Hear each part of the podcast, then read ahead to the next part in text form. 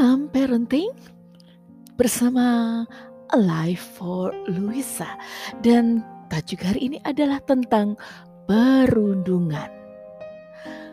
Papa, mama, dan ayah bunda, ketika kita dalam posisi selaku orang tua, saya yakin kata perundungan atau juga biasa disebut dengan bullying pasti cukup membuat kita gelisah. Ya, karena kita bisa dikepung oleh dua keadaan. Yang pertama, anak-anak tersayang menjadi korban dari perundungan. Dan yang tidak kalah penting juga, bagaimana kalau putra-putri kita ternyata justru pelaku perundungan tersebut. Hmm. Dua-duanya tidak mengenakan, dan dua-duanya harus kita hindarkan. Namun, barangkali pendekatannya yang harus berbeda.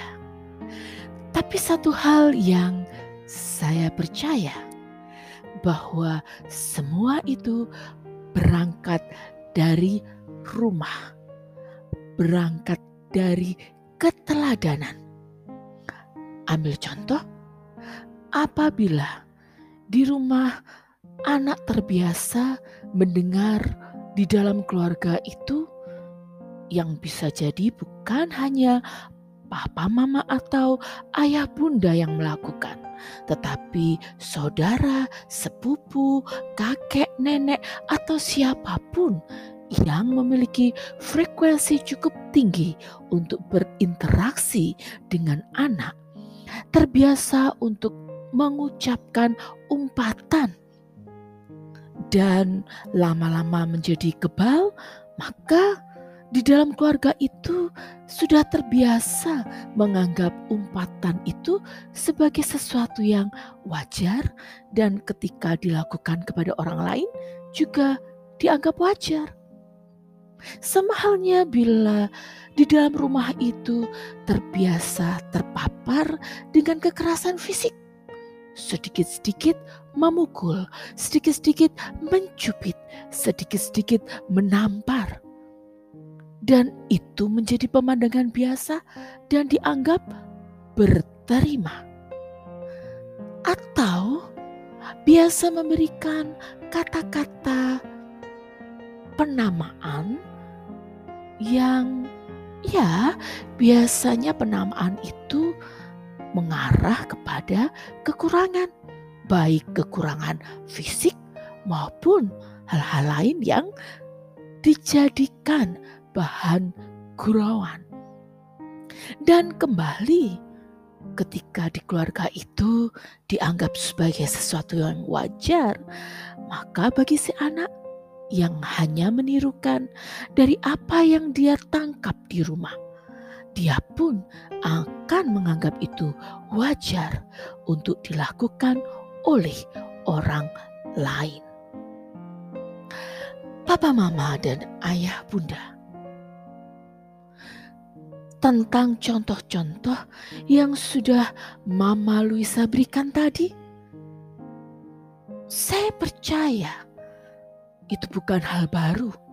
Dan apabila papa mama adalah orang tua yang berwawasan, selalu mengupdate diri dengan edukasi, psikologi, maupun parenting, tentu itu bukan hal yang baru dan pasti sudah dipahami. Maka Mama Mama Luisa tidak akan mendikte, mengajar, atau menggurui dalam hal itu. Kalaupun tadi saya, Mama Luisa, menceritakan itu sekedar supaya kita merefresh kembali apa yang terjadi di rumah kita. Apakah rumah kita menjadi tempat putra-putri kita mengedukasi diri mereka untuk menjadi calon calon pembuli atau pelaku perundungan. Karena itu, memang jelas penyebabnya.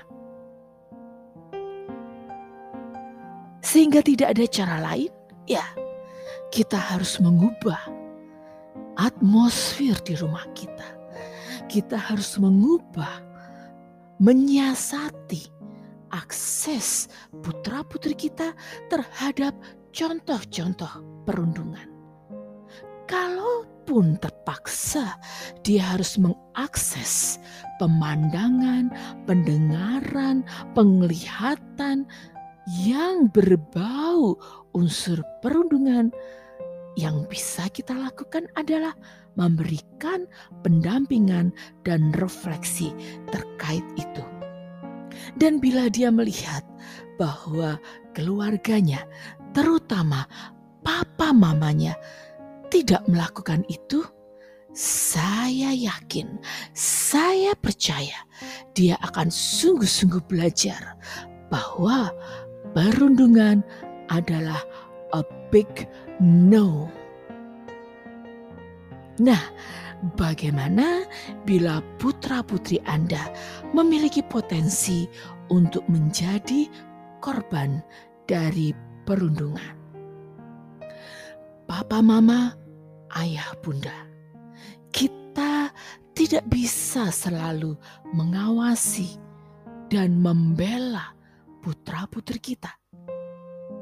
Ada saat mereka harus sendiri menghadapi dunia yang apa boleh buat terkadang sangat kejam.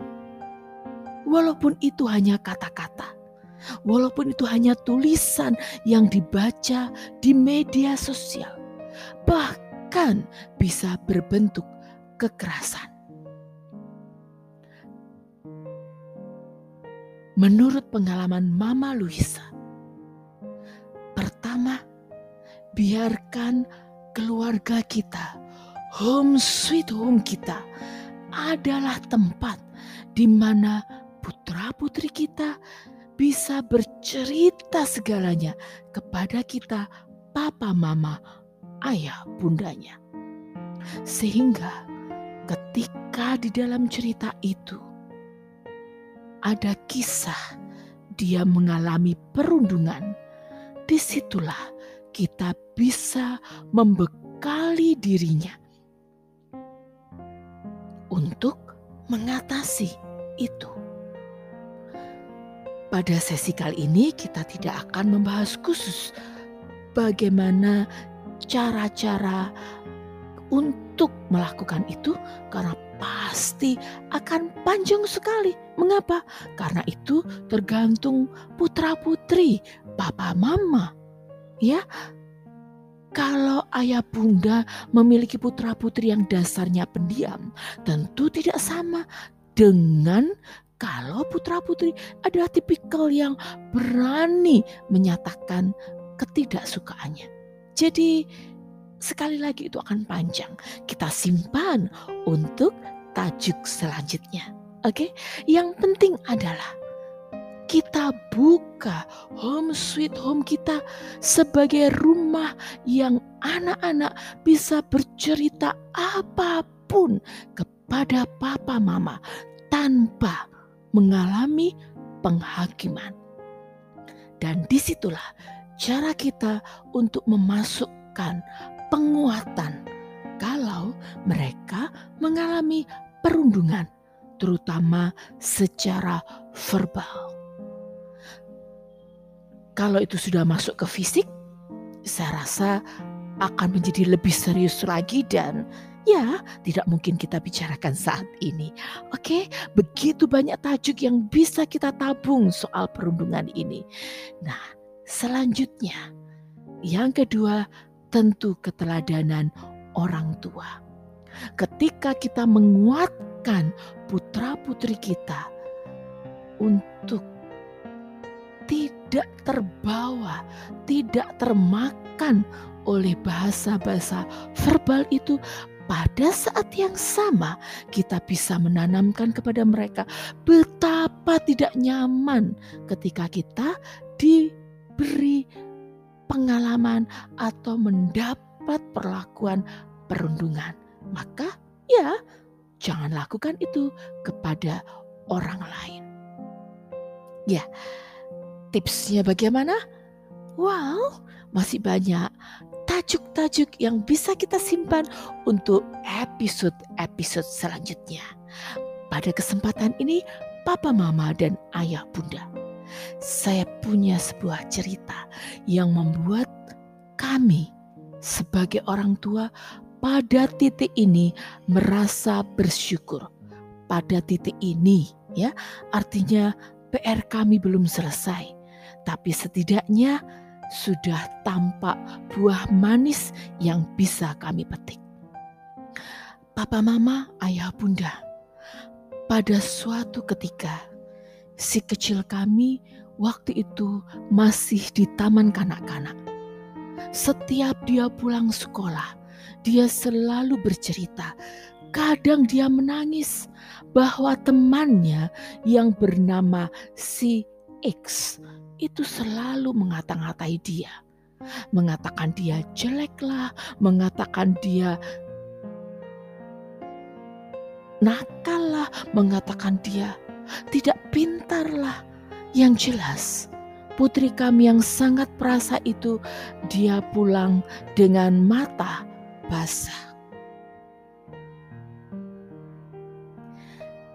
Tentu kami melakukan penguatan. Apa penguatannya? Kita tunggu sesi berikutnya. Tetapi dalam proses penguatan itu kini sudah membuahkan hasil papa dan mama ketika dia sudah berpisah dengan teman-temannya. Pada suatu ketika dia membuka album foto teman-temannya dan memandangi wajah mereka satu persatu. Kemudian dia berkata, "Mama, aku tahu teman-temanku yang cantik. Papa, mama, ayah, bunda, apa yang ada dalam pikiran Anda?" Ketika si kecil berkata seperti itu. Saya sudah deg-degan bahwa dia akan melakukan justifikasi tentang kondisi fisik teman-temannya. Tapi tak lama kemudian dia menyebut nama teman-teman wanitanya satu persatu sebagai cewek-cewek cantik. Tak satu pun teman cewek yang tidak disebutnya cantik. Tak satu pun. Dan kemudian dia berkata hal yang sama. Mama tahu mana teman-teman cowokku yang ganteng-ganteng. Dan sekali lagi dia menunjuk semua foto teman cowoknya tanpa terkecuali dan menyebut mereka semua si ganteng. Hal yang sederhana. Tapi papa mama, ayah bunda, saya merasa bersyukur. Sudah belajar dari pengalaman perundungan yang dialaminya, bahwa tidak adil menilai orang dari fisiknya. Semua ciptaan Tuhan adalah cantik dan ganteng. They are all beautiful. Papa Mama, Ayah Bunda. Seperti saya katakan, perundungan adalah topik yang tidak akan pernah ada habisnya. Tapi bagaimana kita mulai berkontribusi menghentikan perundungan itu sungguh berasal dari keluarga, dari kita, dari papa mama, dari ayah bunda dari Home Sweet Home. Sampai jumpa. Alive for Luisa. I love you all. Bye bye.